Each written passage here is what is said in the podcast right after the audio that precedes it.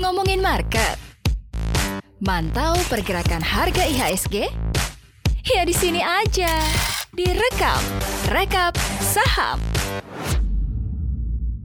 Hai Sobat Cuan, selamat hari Senin Selamat mengawali pekan ini dengan penuh semangat Mudah-mudahan Senin ini adalah pintu berkah untuk para Sobat Cuan Memulai transaksi dan mengambil lagi pudi-pudi cuan Amin Seperti biasa di Cuap-Cuap Cuan jam 8 pagi ada rekam rekap saham harian Sebelum Sobat Cuan bertransaksi saham bersama Maria Katarina Akan ada deretan informasi yang sangat penting sekali Sangat berfaedah untuk Sobat Cuan sebelum memulai transaksi hari ini dan langsung saja kita mulai apa saja yang masuk ke dalam radar rekam hari ini. Di pekan lalu, indeks harga saham gabungan sepanjang pekan lalu ini mencatatkan kinerja yang apik lantaran nyaris pekan penuh mengalami penguatan.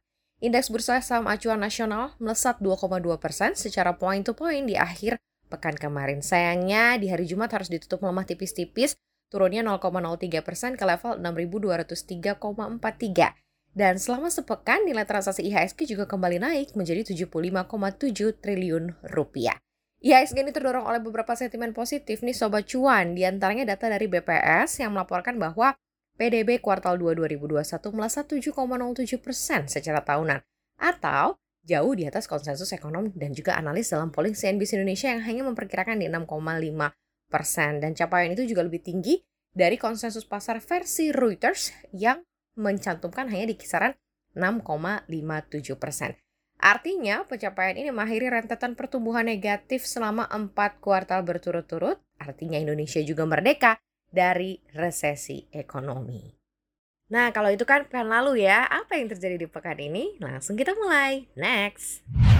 Untuk di perdagangan pekan ini nih, investor masih akan memperhatikan angka kasus COVID-19 di Indonesia, di mana pasca pemberlakuan PPKM level 4, ibu kota dan juga daerah-daerah lain, tren COVID kan memang sudah melandai, tetapi hanya di Jawa dan Bali, sementara di luar itu masih terus meningkat. Nah, dari dalam negeri juga investor masih akan memantau angka indeks keyakinan konsumen bulan Juli di perdagangan hari ini, karena menurut prediksi Trading Economics, IKK masih akan berdiam di level 107, di mana di bulan Juni lalu hanya berada di 107,4. Sementara itu, dari benua kuning, rilis data inflasi China di bulan Juli tentu akan dipantau juga oleh para investor di mana konsensus ini akan memprediksi akan ada penurunan inflasi China dari 11 dari 1,1 persen maksudnya di bulan Juni akan menjadi 0,8 persen di bulan Juli. Sementara itu di pekan ini juga kita menunggu uh, data dari inflasi Amerika Serikat ya di bulan Juli di mana di Juni silam ini angka inflasi berhasil naik tinggi dan ini juga karena kenaikan harga barang-barang konsumsi yang melesat sehingga investor berekspektasi di bulan Juli inflasi akan juga kembali melesat. Namun, ternyata kenaikan harga ini tidak menakuti para konsumen loh untuk belanja, meskipun ekonom juga memprediksikan fenomena ini tidak akan berlangsung lama karena secara konsensus hanya diprediksikan ada kenaikan tipis inflasi di bulan Juni di angka 5,3 persen dan 5,4 persen di bulan Juli. Lanjut, dari benua biru Eropa justru akan melaporkan angka produksi industrinya di bulan Juli ya. Sektor manufaktur Uni Eropa terutama Jerman telah melambat beberapa bulan terakhir di tengah peningkatan penyebaran virus corona penyebab COVID-19 yang mengganggu rantai pasokan. Nah, itu dia ya sedikit bekal info untuk sekedar sebagai alas untuk sobat cuan memilih saham-saham yang ciamik nih di pekan ini. Nah, kita lihat aja beberapa informasi emiten berikut ini. Next. Kita bahas yang baru aja IPO ya, yang baru belantai di Bursa Efek Indonesia, yaitu adalah Bukalapak atau Buka yang mampu mencapai angka di atas 100 triliun rupiah. Hanya saja nih memang bukan nih belum bisa menembus jajaran top 10 saham ya dengan kapitalisasi pasar besar di Bursa Efek Indonesia belum bisa ngalahin BCA, DCII. Tetapi dengan kapitalisasi yang cukup jumbo ini apakah bukan nih bisa jadi penggerak saham atau penggerak movers bagi saham ya bagi indeks harga saham gabungan? Pastinya ini pertanyaan. Nah, beberapa analis mengatakan bahwa meski kapitalisasi pasar buka cukup besar, saat ini saham buka belum menjadi mover bagi indeks karena ini juga seiring dengan rebalancing dalam perhitungan bobot indeks di mana pembobotan sudah tidak terlalu berfokus pada market cap tetapi pada free float. Tapi terlepas dari itu ya, kita mundur ke belakang di mana Direktur Utama Bukalapak Rahmat Kaimudin merinci bahwa seluruh dana IPO yang digunakan oleh Buka dan anak usahanya ini akan dilakukan sebagai modal kerja guna menciptakan misi economic for all dengan cara berfokus memberdayakan pelaku usaha mikro kecil menengah atau UMKM. Dan pasar buka di sektor UMKM ini akan biasa disebut online to offline yang merupakan segmen paling berpotensi untuk bertumbuh ke depannya. Dan pertumbuhan buka lapak sendiri akan banyak disumbang oleh para mitra buka lapak. Dan satu sih sebenarnya kalau dari investor ece-ece seperti uh, investor retail kecil-kecil lah Maria Katarina ya.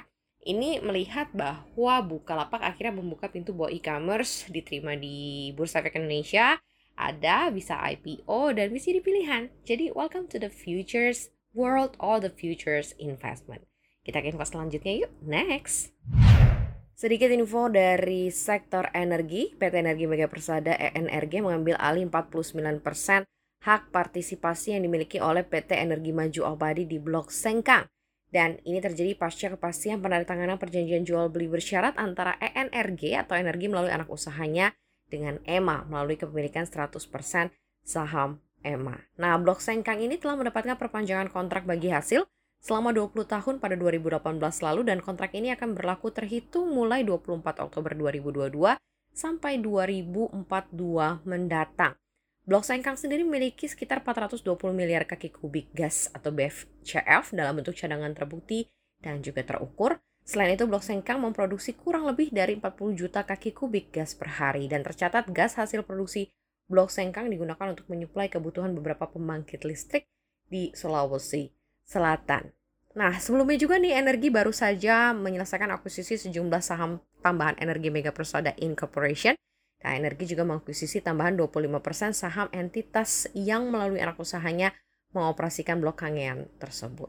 Wow, setelah akuisisi ini saham energi di Energi Mega Pratama bertambah menjadi 75%. Apakah Sobat Cuan sudah melirik ini sebagai potensi returns yang luar biasa untuk energi mega persada ya? ENRG one of the part Bakri Group ya. One of the Bakri Group eh, saham-saham di Bakri Group. Kira-kira kayak gimana nih Sobat Cuan? Ah kembali aja lah ke Sobat Cuan. Next Sedikit informasi intermezzo nih Sobat Cuan ya, di mana konsumsi di masyarakat kelas atas di Indonesia ini masih sangat penting untuk mendorong perekonomian, namun kayaknya sulit terwujud apabila masih ada godaan dari bunga deposito. Dari LPS nih berharap bunga deposito perbankan terus turun ya, agar orang kaya ini bisa balik lagi belanja, nggak cuma nyimpen uangnya aja.